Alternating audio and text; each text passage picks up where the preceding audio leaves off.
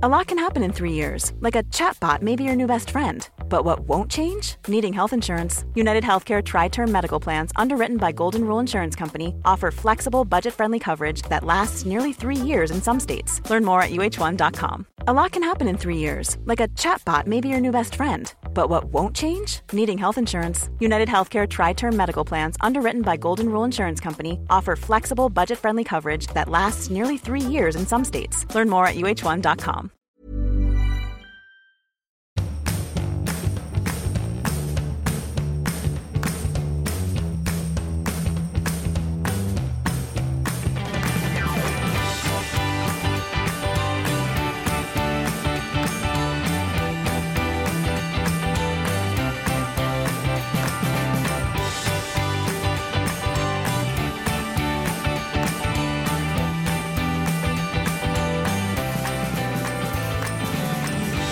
Men då sitter vi ju här igen då på eh, Gotland. Denna gudsförgätna ö, höll jag på att säga. Nej då, det är löjligt vackert. Alltså, verkligen. Kul att vara här. Ann. Ja, jag har pratat om det här att eh, människor som kommer till Gotland första gången blir så sjukt drabbade. Jag har nästan aldrig varit med om en liknande effekt. Inte Mallis, inte liksom eh, New York, ingenting. Utan så här, Gotland, det är som att de liksom de blir förhäxade första gången de är här. Det är ljuset, det är stämningen, det är huset, det är solnedgången. Man kan till och med se en ren. Ja, men det är så här, som att det är första gången man ser allting när man är på Gotland första gången. Ja, Varför är det så? jag vet inte. Nej, men det är ju någonting eh, magiskt med den här ön på det sättet att den har ju ett ljus. Speciellt när man kommer ut på Furillen. Då känns det lite som att vara alltså, i Medelhavet. Alltså det här krispvita. Och lite som att vara i Tel Aviv. Eller, alltså det finns någonting mycket, alltså mycket mineraler i marken som man kanske inte ser på så många andra platser. Men det är ju som, det är som Österlen. Det är egentligen eh, en ö från Medelhavet som har flygit in och liksom jackat in på Sverige. Och det påstås ju också Gotland vara. Och det finns ju kanske en anledning då varför vi tycker så jävla bra om just de här platserna. Hej och välkomna till Lille Lördag. Hej! Apropå Tel Aviv och Israel, vår underbara weekendresa där. Jag träffade min goda vän som jag inte har träffat på ett tag. Nathalie Besser som är regeringens mellanösternexpert. Ja. Och hon sa det, men gud, du har så här 14 veckan och åkte till Tel Aviv. Mådde du inte liksom illa och sånt? Det är en väldigt bumpy ride dit. Aha. Ofta. Ja, men det tänkte jag väl på. Att det var något speciellt med flygningen dit. Nej, ja, att den var väldigt bumpy. Jaha, det kanske det var. Alltså det flygrädda, Mattias och du, eller förlåt, de flygrädda, Kalle och du tänkte väl på det. Ja, men gud, det var väldigt speciellt. Så hon tyckte så här, gud vad modigt och, och sådär. Att, att vi hade varit där. Jag bara, jaha. Det tänkte jag inte på. Jag känner att just nu spelar det ingen roll vad det är. Jo, du kanske är lite säkrare på en ö här på Gotland. Men sen spelar det ingen roll om du är i Bagdad, Bryssel eller London. Det, är så här, det verkar liksom, Eller Borlänge. ja, det verkar ju så sprängas överallt på något sätt. Ja, shit på en fritt alltså. Men du, förutom, förutom att sprängas, har du hållit på att sprängas på sistone? För det verkar lite så med tanke på din eh, semester. Är det så här härligt Semester. som du trodde att det skulle bli? Det är så roligt för att eh, Mattias har ju förvandlats nu till Karl Oskar. Ja, Från han är att- utvandrad. Ja, han är utvandrad till Gotland. Ja. Och här ska han se till att hans familj ska få säden och gro och mjölken och ystas och det ska vara ordning och reda på torpet och ute. Han har liksom hyvlar bord och han snickrar och han rensar och han har ner liksom träd och, eh, på ett faktiskt ganska maniskt sätt. Men är inte det lite härligt då? Jo, och eh, eh, hans far är väldigt imponerad av honom. De är här också. Ja. Mm. Och han är så duktig och eh, det är som att lillpöjken håller på att växa upp. Åh, ja, men det är gulligt. Men eh, ja, att, att, att ha fyra barn och gäster hela tiden och samtidigt jobba. Ehm, jag tänker ju varje dag så här, imorgon blir det lite bättre och då blir det lite mer semester och sådär. Men eh, nu har vi haft liksom ungefär, varit ungefär mellan 10 och 15 personer här i tre veckor. Och den disken bara är ju, även fast man har diskmaskin, så bara plocka undan alla våta grejer och hit och dit. Det är ju så det är. Men idag började jag faktiskt gråta lite i bilen. Ja, men jag fattar det. Ja. För att jag förstår inte hur du står ut. Alltså det här är ju min mardröm på jorden. Det är därför jag aldrig kommer skaffa mig ett sommarhus på Gotland. För att alla jävlar kommer ju till att börja med. Jo, men jag tänker... Jag börjar hos Alex bara, Amanda nu liksom. Det är ju hemskt för dem. Jag förstår att de måste så här, tycka att det är helt vidrigt att ha gäster. För att säga vad man vill, även om man vet att det blir härligskap på kvällen så är det ju liksom en passage däremellan som är allt annat än härligt med liksom små barn, olika viljor och hela tiden projekt som så startas upp, som avslutas och startas upp och vad det nu är. Och så, så, dessutom ska man ju då ta hand om hemmet på kvällen. Och det ska börja på noll. Jo, jag pratade med han om det att när man precis är klar med frukost då är det dags för lunch och liknande liknande. Men vad är det då som gör att vi sitter här bland dansande myggor och ändå tycker att det är värt det? För det där glappet mellan allting är liksom, och det ska grillas och det ska fixas och flaskor ska öppnas och man nästan så här har en kniv i bröstet till att det lugnar ner sig och man får några så här magiska timmar vid ett vitt stenhus. Jag vet inte. Alltså jag, det här är ju ändå min dröm. Ja men exakt, men förstår du vad jag menar? Att så här, ibland tar ju drömmen över verkligheten och när man då vaknar upp ur drömmen så inser man att det inte är så härligt som man trodde. Ja, Har du ja, jag varit fattar. där? Ja, men jag, är, jag är liksom lite här och lite där. men som igår, då kommer jag hem. Jag tycker inte att jag gör något annat än åker i den där bilen och skjutsar och hämtar och jobbar och sen handlar. Jag tycker att jag är på affär hela tiden. För det tar ju slut, även fast jag handlar liksom för lusing typ om dagen. Ja. Och kommer med mina fyra påsar och liksom så eftersom det är så mycket folk så tar ju det slut till dagen efter såklart. Ja men det är det jag säger, att ska man ha en riktigt härlig semester då ska man ju åka till ett ställe eller ha ett place som har en husa.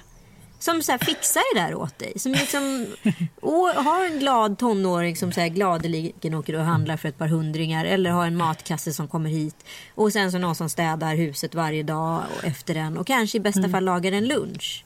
Alltså, Jag tänkte att det skulle bli mina barn, men det har gått hittills dåligt. Men, men det var det att de är ju tre, fyra livliga, glada katter. Och jag förstår det, men idag känner jag bara så här. De är så otroligt livliga hela tiden och det ska spelas musik i bilen och bi- mobiltelefonen har gått sönder och det ska hur många badas. mobiltelefoner på ett år tror du i snitt att du gör av med? Ja, men det är inte så illa som man kan tro faktiskt. Eller har du bara börjat lägga in den där mobiltelefonen gick sönder som en ursäkt nu?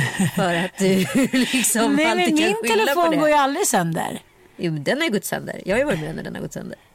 Det förträngt. Men Ossians mobiltelefon har en tendens. Ja, men- Nu sa han i förmiddags när han vaknade att han la den igår i sängen och i morse när han vaknade hade glaset spräckts av sig själv.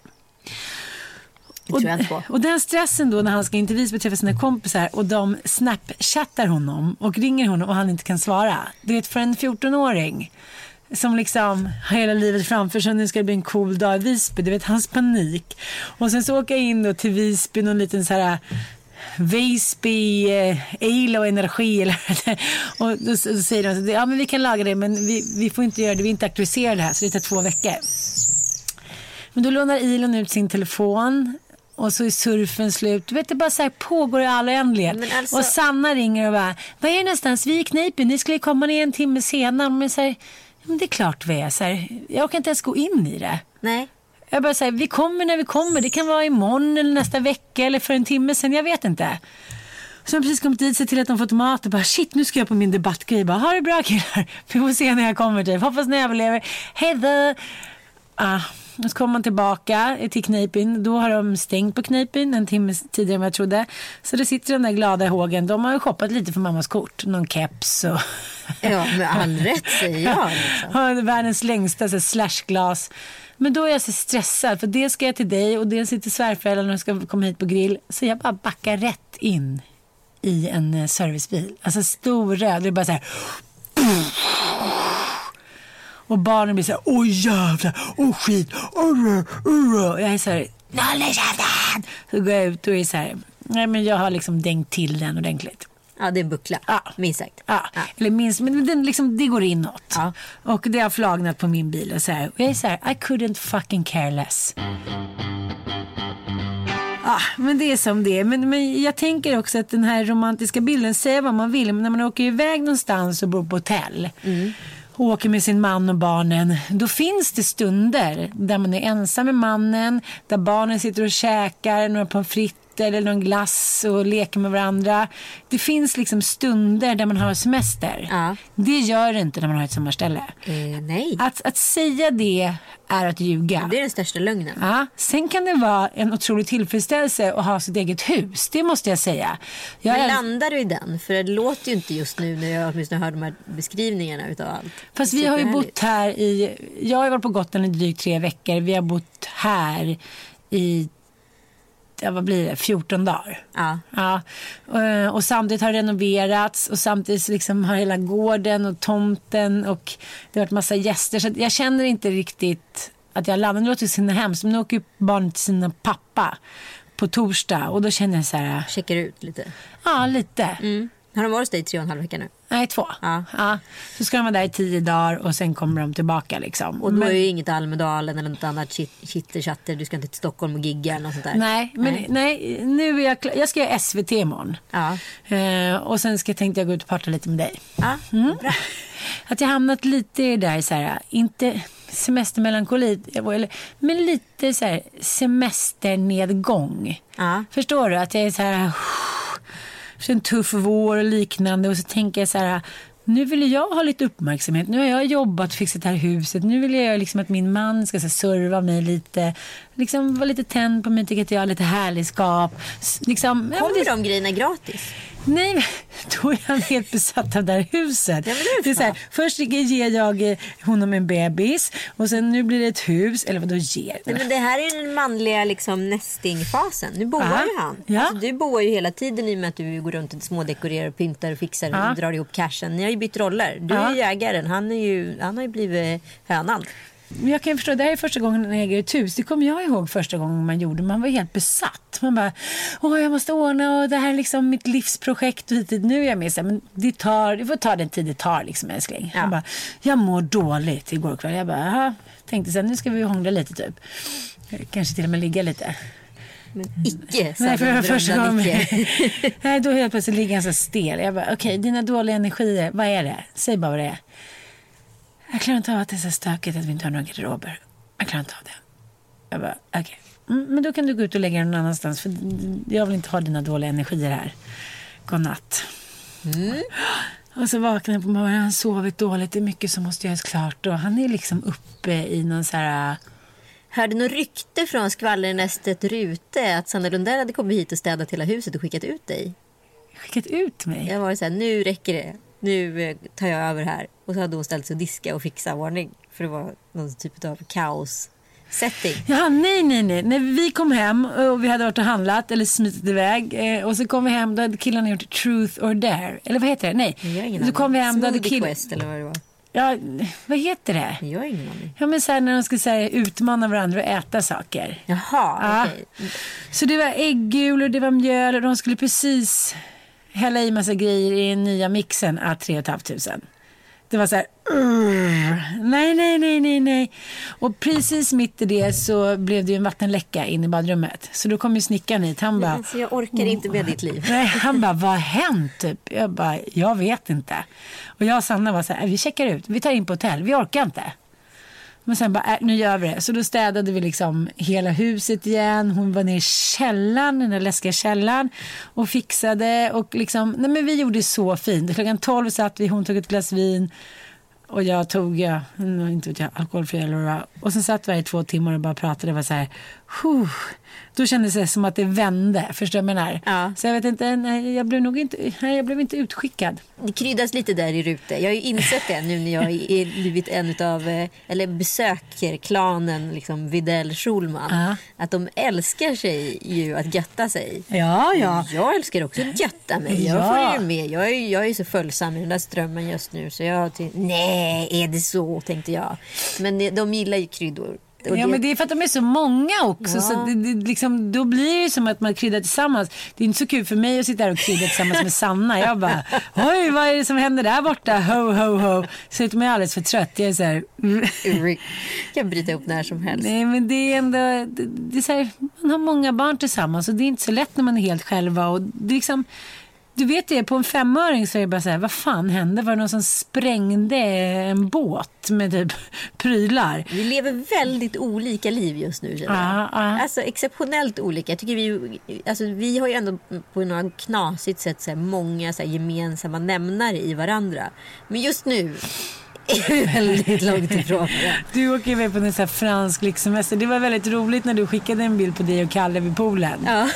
Och du har någon bandana och han ligger där med en Sigge Pillis och drink. Och det är så här, ja men det, det är high-end Ja, liksom. det är så här, man hör liksom den där bossanovan tuffa Ah, på i bakgrunden. ah, liksom. Man hör hur så här, den där perfekta bartendern står och så här klirrar med sin dry martini och bara så här, monsieur, madames. Och jag är så här, kommer svettig, har inte duschat på typ sju dagar och Mattias står och så här, kastar bråte och jag ser den där liksom, högen av bråte bakom honom och bara känner så här Okej älskling, Karl-Oskar. Ja, det var så kul, precis då skickade du den bilden och då skickade jag tillbaka Exakt. samma bild. Så här, vi har också bra. Vi, eh, ja vad jag nu skrev. Och vi, har blivit tjocka.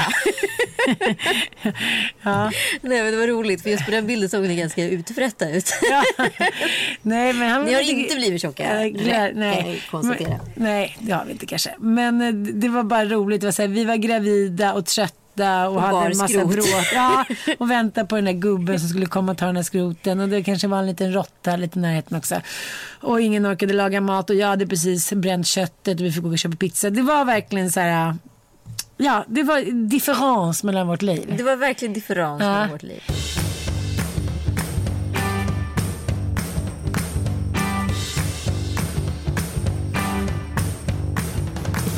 Men berätta lite om din födelsedag. Grattis älskling. Tack. Just det, jag måste köpa lite Nej, det födelsedagspresent behöver jag inte alls göra. Jag har haft så otroligt eh, lyxigt liv så att jag behöver inte ha några födelsedagspresenter. Jag är så glad. Vet du, jag fick alltså 300 eh, hälsningar. Eller över 300 hälsningar grattis. Jag fyller ändå bara 38. Då blir man ändå så här. Och det var så fint att se tycker jag. Det är det roliga med Facebook. Det var verkligen som en så här kavalkad över livet. Det var människor från min absoluta barndom till så här knasiga små extrajobb till allt, allt, allt. Alltså genom hela livet sa folk grattis. Och det var Aha. väldigt fint tycker jag. Plus att här, på Instagram så var det nyingar och så vissa skickade jättemycket så här, personliga sms. Och det var, man kände, jag kände så fruktansvärt älskad och jag blev så jätte, jätteglad över det. Vad roligt. Det måste man väl få säga. Ja, 20 över 12 kom jag på det.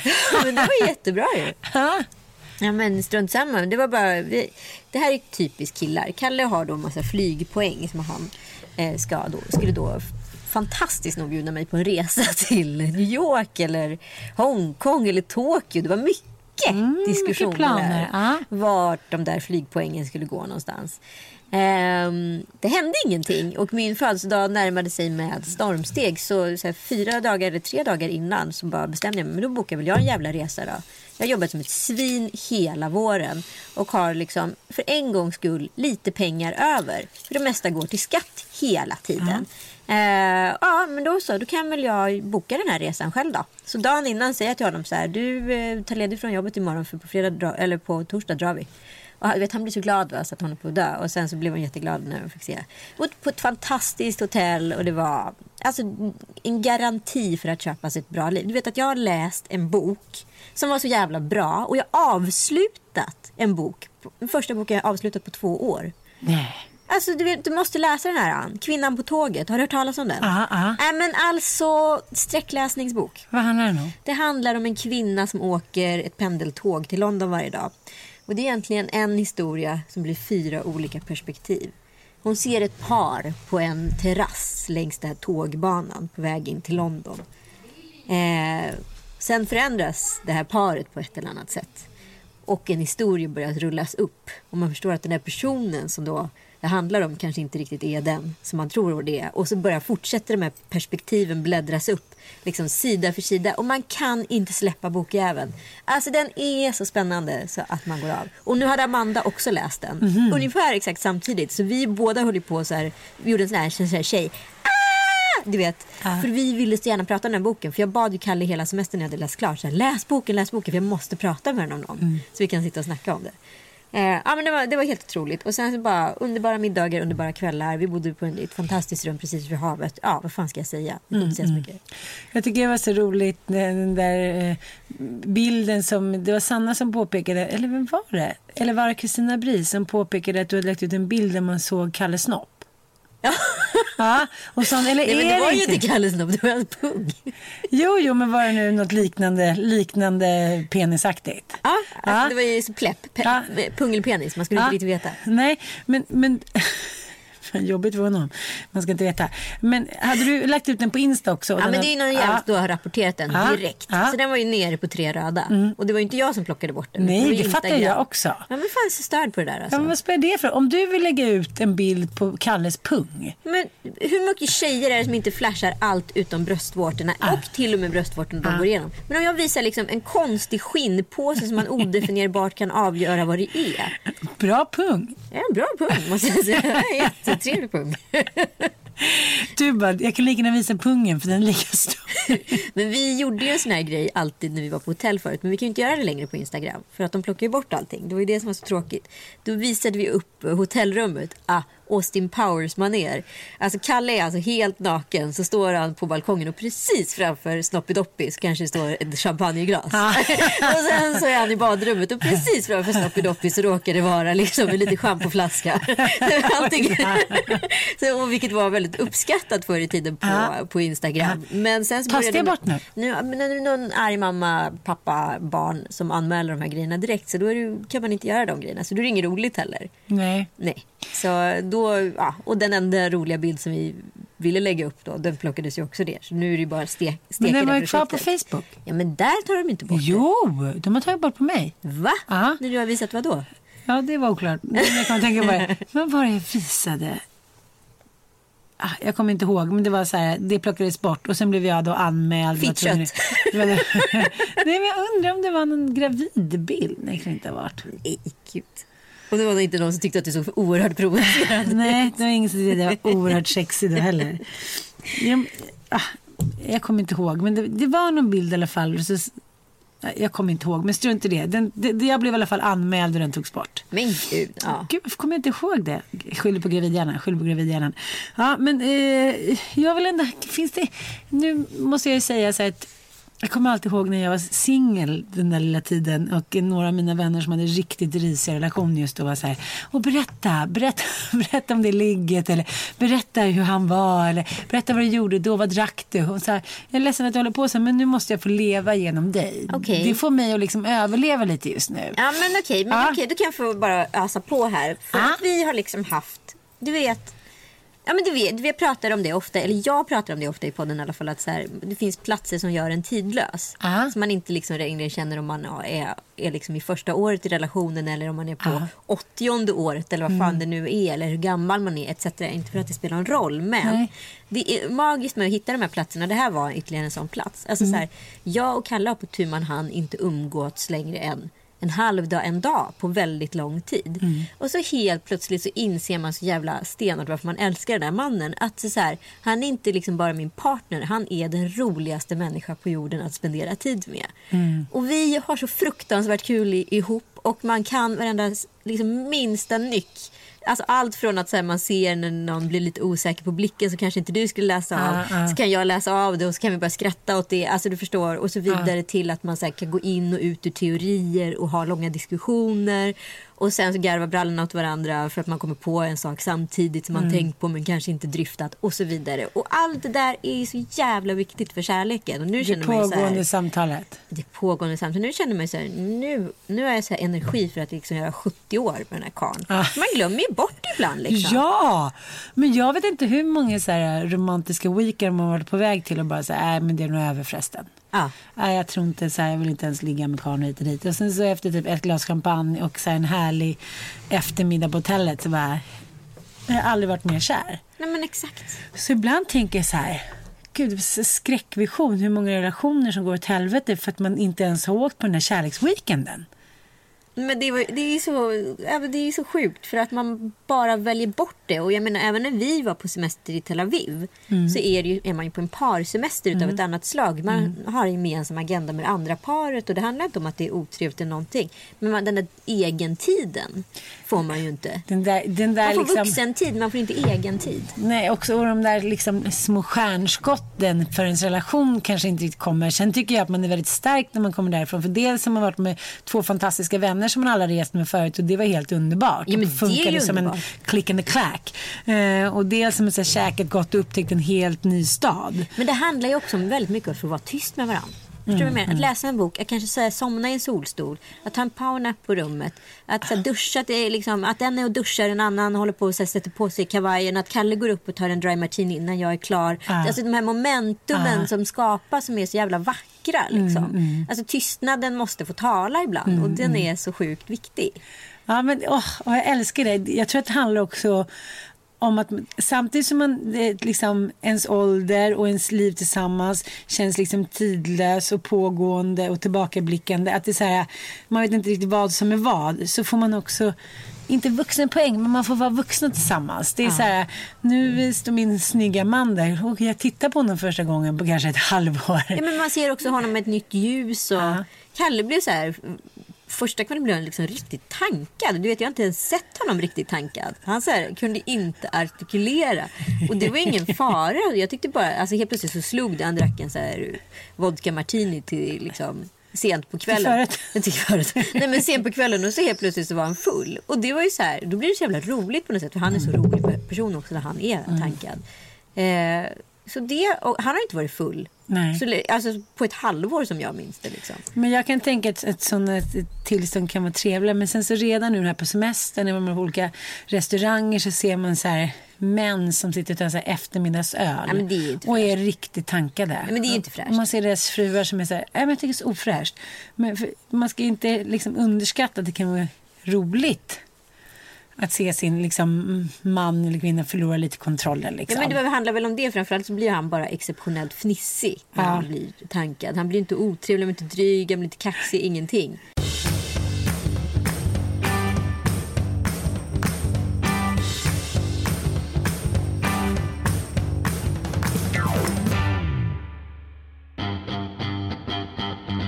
Nej, men jag gjorde en debatt då med Nisse Edvard bland annat som är pappapodden och eh, Edvard Blom. Och jag tycker att det var så himla spännande för vi pratade om det här med eh, barn och mat och det var en överläkare och en forskare eh, där, Agnes, som är så här 70 år och hon eh, förklarade att eh, men liksom, all den här ångesten som har varit kring mat i alla år för barn. Eh, eller när man har skaffat barn, att man då, när hon, hennes barn växte upp när, för 40 år sedan, då var det så här, man var tvungen att introducera barnen när de var fyra månader, skulle de aldrig äta någonting. De var, tvungna att ha liksom en fruktdryck för att de inte skulle liksom svälta. Alltså, så mycket skitsnack. Det var som hon sa, så att man inte ska salta till barnen. Vad är det för Ja, skitsnack? men det är jätteskitsnack. Ja, men det finns ingen bevis för. Liksom, det, det, är inte, det är inte så. De kan äta lika mycket salt som Människor har vuxna. överlevt i hela historien. Jag menar hur mycket saltfisk åt inte vi förr i tiden? Herregud, det skulle ju vara uttorkat hela jävla högen. Liksom. Nej, men hon sa det så här, så som kvinnor håller på att skuldbelägga varandra. Aha, du gör inte hemmagjord mat och eh, vi ska... Det är det enda sättet vi kan reglera varandra. Och då pratar vi ganska mycket om det här med könsroller, vad man ska göra för att det ska bli mer jämlikt och att liksom det är mest mammor, de som skrivit till henne, medelklassmammor som har panik då över att de inte är tillräckligt bra på att göra så här maten från scratch och grunden bla bla bla. Hon bara, jag hatar såna uttryck. Kan vi inte bara förbjuda såna uttryck som skräpmat och skitmat och hit och dit. Hon säger så här, vad är det för skillnad att göra liksom en pannbiff hemma och gå och käka en hamburgare på Donken? Det är liksom, det är uträknat och det är rätt kötthalt och hit och dit. Sen så kanske man inte kan käka pommes frites och glass varje dag. en extra plusmeny med liksom pommes och en jättestor cola. Nej, Skit i det då. Men nej. hon sa så här- och samma sak med en- pizza. Vad är det för fel på det egentligen? Det kom liksom på 70-talet. Hon sa den maten vi växte upp med på liksom 60, 70, 80-talet. Så äcklig som den var. Pölsa och liksom bruna bönor och skit. Vi ska bara vara glada att det finns den här nya maten. Liksom. Hon säger det är kvinnor som skuldbelägger varandra. Och och ni, hon sa det till oss som panel. Ni verkar rätt skön inställning till det här. Men ni förstår inte hur många det är som mejlar mig varje dag. Men det är ju helt otroligt. För jag kommer också ihåg att det var olika direktiv mellan Penny och Tom Allan. Och då skiljer det tre år. Alltså på den här, eh, är det Socialstyrelsen Mm. Ja, som man skickar ut? om man inte får äta och Ja, så man inte får äta. Och Mamma sushi. Helt, exakt, då var det helt olika. För att första gången när jag var gravid fick jag absolut inte äta sushi. Nu var det helt okej att äta både lax och avokado och räka och allt möjligt. Det var typ tonfisk man inte fick äta. Det är som att man befäster vissa liksom, teorier eller hittepågrejer och sen är det ingen som ifrågasätter. Nej men saken är den som jag förstod det då, för då var jag tvungen att ta reda på sanningen. Det handlar ju om att vad man kan gö- göra forskning på och inte. Så är det inte forskat på lax exempelvis, då förbjuder man det för att vara på säkra sidan. Men det handlar inte om att det är fel. Alltså så kan man ju använda sitt eget sunda förnuft och testa. Eh, och så här, ja, det kanske, man kan ju läsa på lite om lax och ser att det finns inga egentligen farliga sjukdomar som kan komma med den fisken överhuvudtaget. Eh, tonfisk däremot kan ju ha liksom kvicksilver och allt möjligt i sig. Ja, men och så vidare. Så det är ju liksom... Vad är det som händer? Det är så mycket mygg på Gotland så att det är Men det är samma sak som det här med att det, enligt forskningen då så eh, även om man dricker ganska rejält så kan det inte komma ut någon alkohol ur bröstet, mjölken till barnen. Nej, det är som att en- käka potatis eller fil eller vad Ja. som helst. Saker som jäser. Och ändå ska det vara så här, ja men man, vi är så oroliga är det fel. Jag tror så här, Nej, men det handlar ju om att du inte ska tappa barnet, att du ska bli full och Mm. onykter. Och det är så här, I Sverige är vi så rädda att säga att så här, två glas vin är okej för att vi är bättre att sätta en nolltolerans. Jag menar så här, de, det är klart att barnaga är förbjudet i Sverige och det ska det ju vara. Det är nolltolerans på det också. Men jag menar så här, vem fan har inte liksom lyft upp sitt barn hårt någon gång eller så här, tagit hårt i en arm. Alla de grejerna Mm. ingår egentligen under be- begreppet aga. Men det säger sig självt att så här, du måste så här, kunna säga ifrån ibland. Mm. På ett sätt som, ja men, men nolltoleransen toleransen kanske är bra. idag när vi satt i bilen då tog eh, Ilan en sån här, vad heter nagelklipp. Ja, nagelsax. Nej, inte sax Nej, men sån här, utan en sån här, ja, en sån här Clue. kni- knipsare. Ja, och så ville han testa hur det skulle vara att borsta det i mitt hår. Jaha. Ja, men lite så här. Och det är klart att inte det gjorde ont. Men då rann det över. Ja. Då var det så här. Jag orkar inte mer. Och då, när man tar till tårarna, Ja, det funkar ju alltid. Då vände jag allt. Då var det så här, och sen men jag åker inte hälsa på mina kompisar, jag är med dig mamma. Och jag, jag tar moppen till knipen. Jag bara, du har ingen moppe, men jag lånar den. Jag bara, nej du lånar ingen moppe liksom. Shit vad måste hålla honom hårt just nu. Alltså. Ja. Han tror att han är 22 och liksom ska ha bågar och brudar och... Ja. Ah, Jesus. Nej, eh, då kände jag så här, då hade jag verkligen önskat att jag var med dig i Nice en liten stund. Och det är det jag tror också som jag smsade till dig häromdagen. Det var så här, men gud jag kan inte ta, ta till mig det här barnet. Jag vet inte, när ska jag bli lycklig och? Och sen så, som du faktiskt påpekade sen när vi ringdes.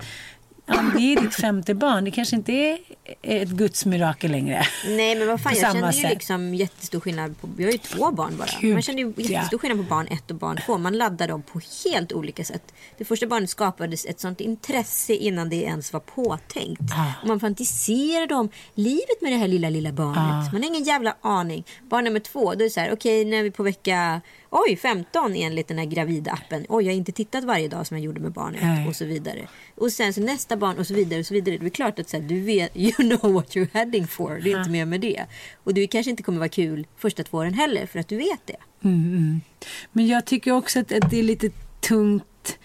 Ja, men hela den där grejen att man kanske känner så här äh, att när man var 29 och fick sitt barn, då fanns det så mycket kvar. Och det gör det ju fortfarande, men det är ändå liksom 14 år senare att jag känner så här, men jag vill, jag vill också vara med i sommar. Jag blir liksom barnslig och liksom lite avundsjuk. Jag bara känner så här, nej men jag vill inte gå omkring med en stor mage. Jag vill inte sitta bredvid och titta på när de andra har, eh, har en trevlig utekväll. Fast Jag där har ju du varit väldigt duktig tycker jag. Du har ju verkligen hängt på. Ja. Men jag vill bara att det så här, jag vill bara att, att han ska komma ut nu och allt ska å- återgå till det normala. Det förstår vet du? du också att så här, den känslan är så viktig. Men det Ja. kommer ju inte vara direkt. Samtidigt å andra sidan är det skönt när ungen är på andra sidan kroppen. Det längtar man ju alltid efter. Mm. Ja. Även fast det kan vara jävligt vidrigt när man inser att det var mycket bättre när det var i magen. Nej, men jag, jag vill både att det ska vara klart fort och sen så vill jag att det ska vara kvar där inne. För att jag känner att jag måste hinna med att göra klart massa grejer hit och dit. Och sen börjar jag få panik över att jag ska så här, ha fem pojkar i en lägenhet i stan. Eh, det är så mycket. Så, men även fast, jag menar, det är klart att det är mycket här också. Men bara det här att de på morgnarna går direkt ut i trädgården. ja, ja, ja. Ja, och att inte liksom dagarna är slut. Du kanske får flytta till Gotland. Men förstår du, för hemma är ofta så att om man går och hämtar på dagis, då är dagen slut på något sätt. Ja, ja, då ska man härbärgera dem tills de ska sova. Ja. Här är det så här, det pågår ju bara och sen så bara, gud vi måste gå och lägga oss. Och då kan man liksom vara en del av någonting organiskt. Hemma blir det så statiskt på något sätt. Men men samma sak som nu när jag och Sanna är här då eh, tillsammans. För tre år sedan var vi här själva. Eh, Jag var singel. Vi tyckte att det var så, alltså det var det roligaste vi varit med om. Det var som att vi var 22. Vi liksom satt och minglade och drack rosé och skrev våra krönikor för Aftonbladet. La, och vi kollade vad är på gång ikväll. Vilka med- killar är på vad- Tinder? Ja, vilka, Tinder? Vi var ju, inte fan jag. nej, nej, det höll vi inte på med. Vilka vilka killar är på vilka Prime? Ja, och vi höll på smsade med Viggo Kavling och vi skulle vara med i olika poddar. Vi var här och där och Mattias kom hit och jag var nykär. Och det var liksom thunder and storm och vi tyckte att så här, här var vi i världens liksom mitt. Ja. Det var så här livets öga. Vi tyckte att vi, liksom, vi var så coola Ja. Som var här i Almedalen. Mm. Och nu kom hon in där, hon har sina barn med sig, hon har precis flyttat till sin gård, jag går gravid och vi är bara så här, okej men vi gör vår grej så åker vi hem igen. Ta oss härifrån. Ja, och då kan jag slå mig hur någonting som om det var som så här, den finaste fisken i vattnet. Ja.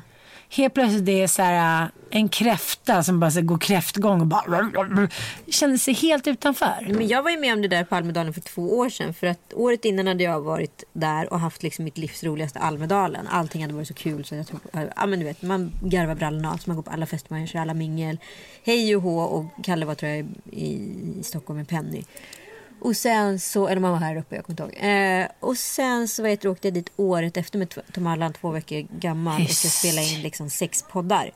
Och För- bodde i en jävla torp ute i Nej, vi bodde ut uppe i Slite i den här campingen och jag hade med min barnflicka för att så här, för att så här, Campingen? Ja, du vet den här Slite-camp var det enda som var ledigt och närmast Almedalen. Vi, fick, vi hade inte fått tag i en lägenhet, inte ett hus, inga kompisar etc. Allt var proppfullt. Så, så här, där bodde jag och teamet och min stackars barnflicka och Tom Allan två veckor gammal. Eh, och du vet, det enda jag ville var, var att alltså, rusa från Almedalen och hem till den lilla bebisen. Ah. Och när jag väl ska då, mina bröst får sprängas tyckte jag, ska amma, då har allt sinat. Då är det typ bara vätska. Alltså det är ingen så här näring i det där. Så att jag slutade amma egentligen efter en månad med honom. För att det kom inget mer. Det var Almedalens fel. Det var du var för Almedalen. uppstressad. Jag var för stressad. Usch vad hemskt. Ja, det var fruktansvärt. Så inte värt det. Så inte, inte värt det. Och så tänker man ändå, man är så jävla korkad tycker jag ibland. När man är så här, en ny morsa. Då är man så här, det är som att man har väntat på att så här, det här barnet ska komma och ska allting fixa sig precis där du är nu.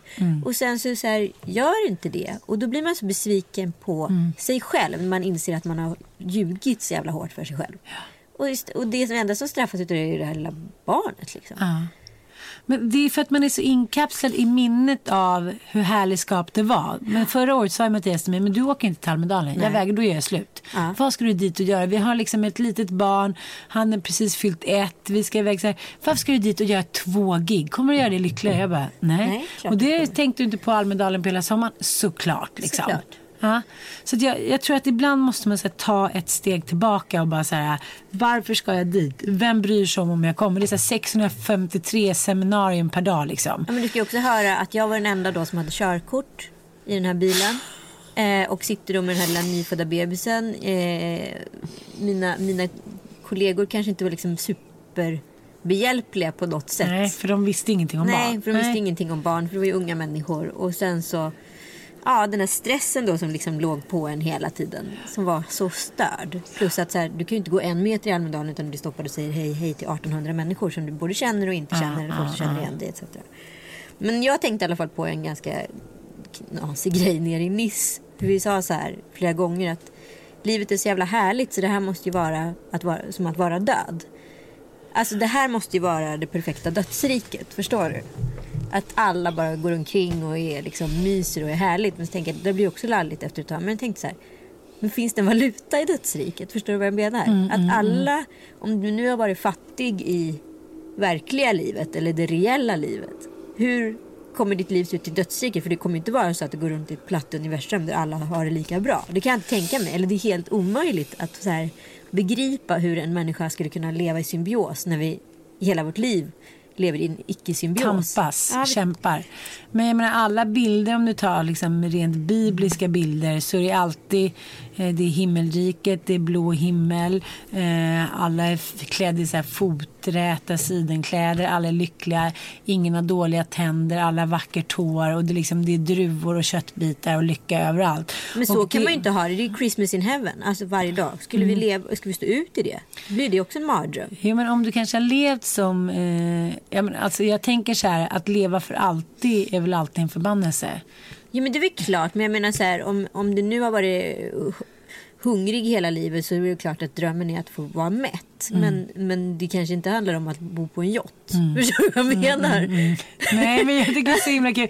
När jag läste Jonas Gardells bok om Jesus. Ja. Hur han liksom initialt i boken beskriver hur han måste ha sett ut om man jämför med alla de här bilderna. Allt från Willem Dafoe till ja, de här ljusblå ögonen och perfekta tandraderna. Han sa det var en jättefattig liksom, eh, snickarson som Ja. inte hade några pengar, som förmodligen hade jättedålig hy, skörbjugg, så här, ruttna tänder, smutsäcklade, luktade som en gamla liksom, uteliggare och som då beskrivs i, liksom, eh, i de här bibliska måtten som det vackraste och det mest karismatiska i världen.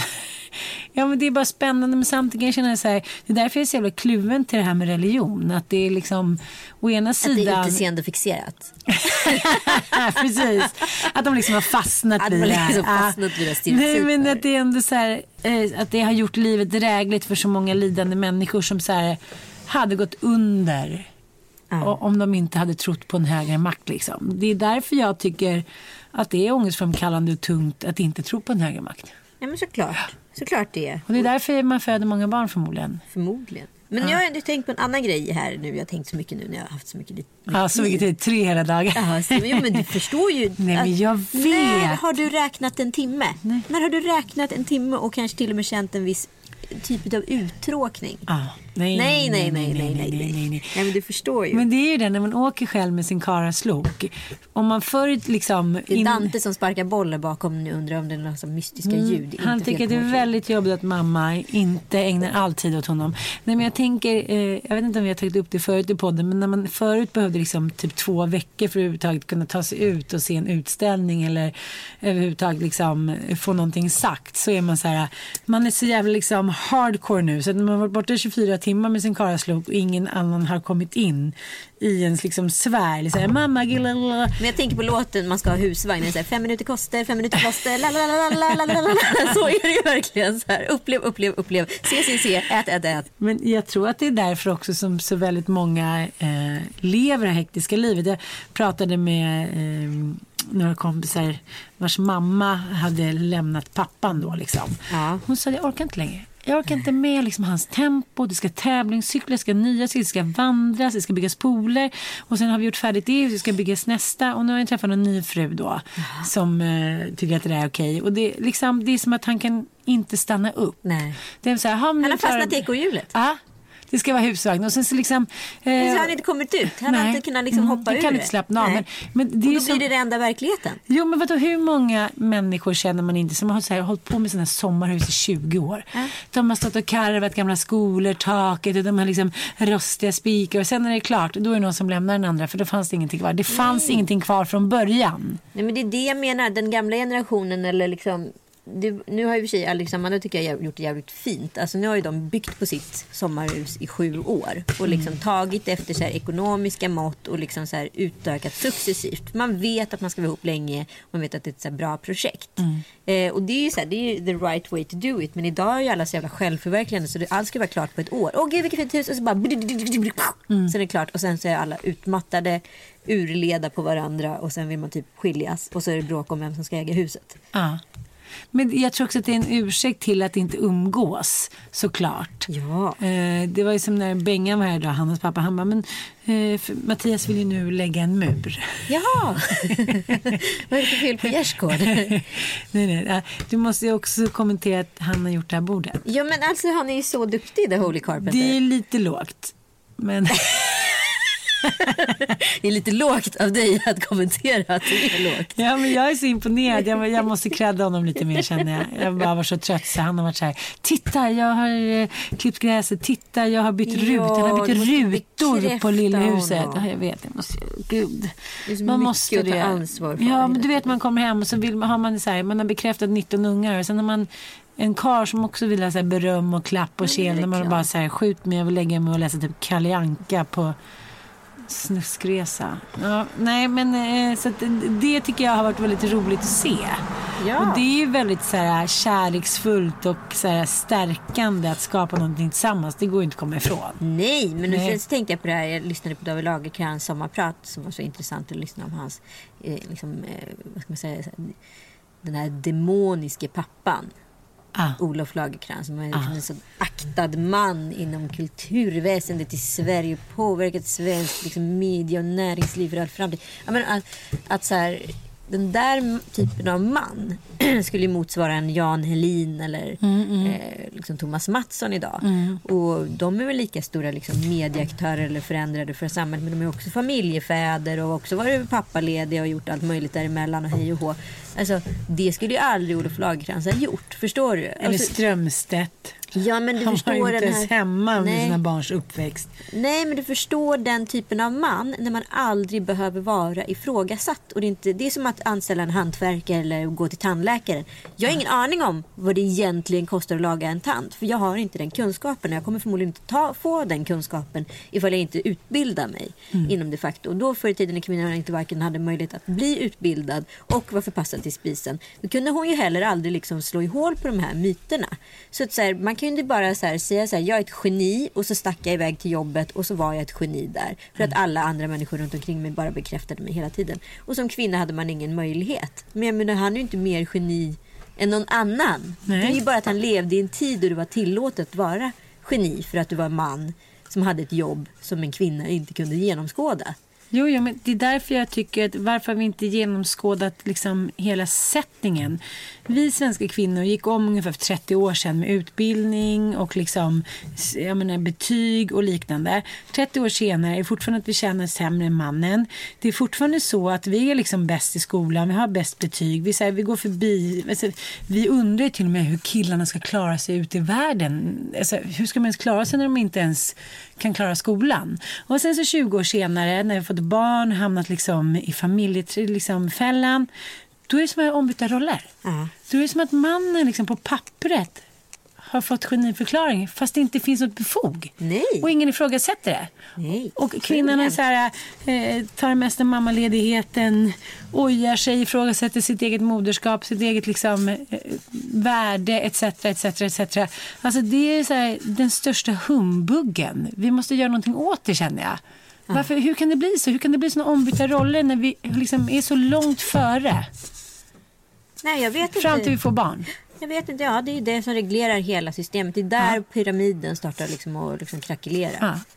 Och, och jag tänker på så många papper som... Eh, ett, det handlar också om att kvinnor också...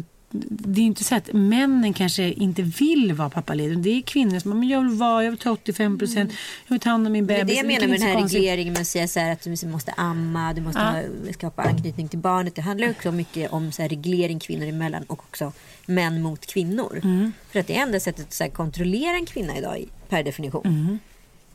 Alltså annars är du ju en galen tik. Mm, Du är ju en byracka. Springer runt på stan. Men jag tycker ändå att det där är spännande. Jag måste tänka lite mer på hur det kan bli så där. Och, och, och, det, är ja, men det är lätt att hamna i det där. Som liksom, jaha, han verkar tycka att det är så tråkigt, men då gör jag det då.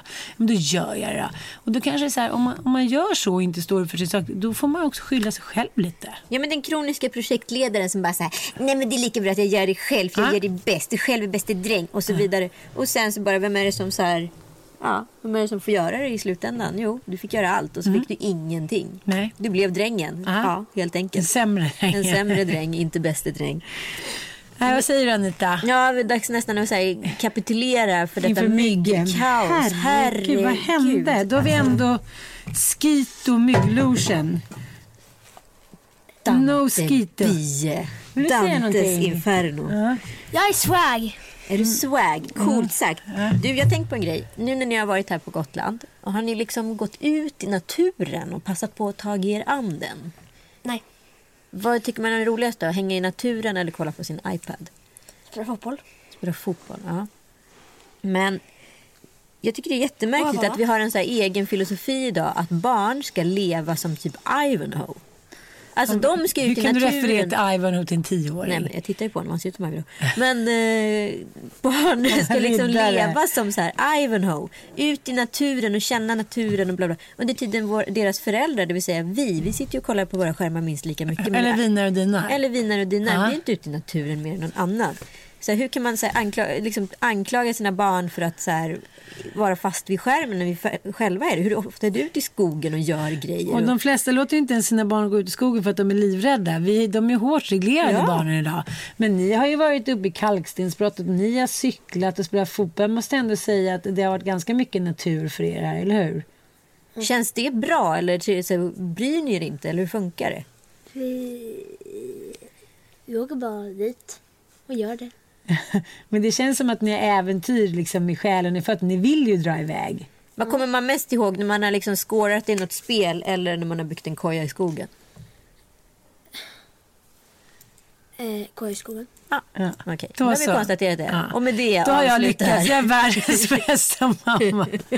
Nu sönderbiten av moskitos. Ja, men alltså, Eh, vi tackar för att ni är med oss. Hoppas ni har en Eh, underbar sommar och inte sliter ut er för mycket. Vi hoppas att ni lyssnar på vår andra podd också, Store Lördag. Och sen så hoppas jag att vi ses på Intiman den 7 december. Jag hoppas att jag träffar dig också där, Och imorgon ska vi försöka få med Mattias i Storlördag. Ja, det blir spännande. Ja. Puss och kram! Puss och kram. Nu kommer någon på cykel också. Det här är så naturromantiskt Anita.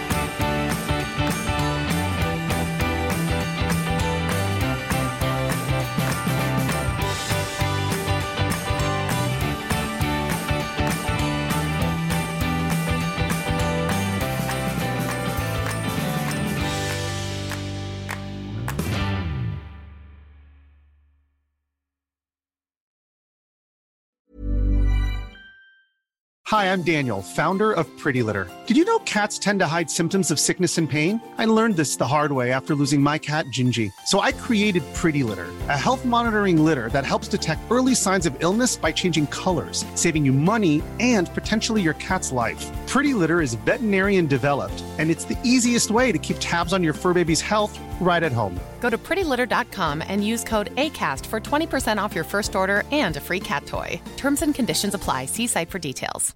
Imagine the softest sheets you've ever felt. Now imagine them getting even softer over time. That's what you'll feel with Bowl and Branch's organic cotton sheets. In a recent customer survey, 96% replied that Bowl and Branch sheets get softer with every wash. Start getting your best night's sleep in these sheets that get softer and softer for years to come. Try their sheets with a 30-night guarantee. Plus, get 15% off your first order at bowlandbranch.com. Code BUTTERY. Exclusions apply. See site for details.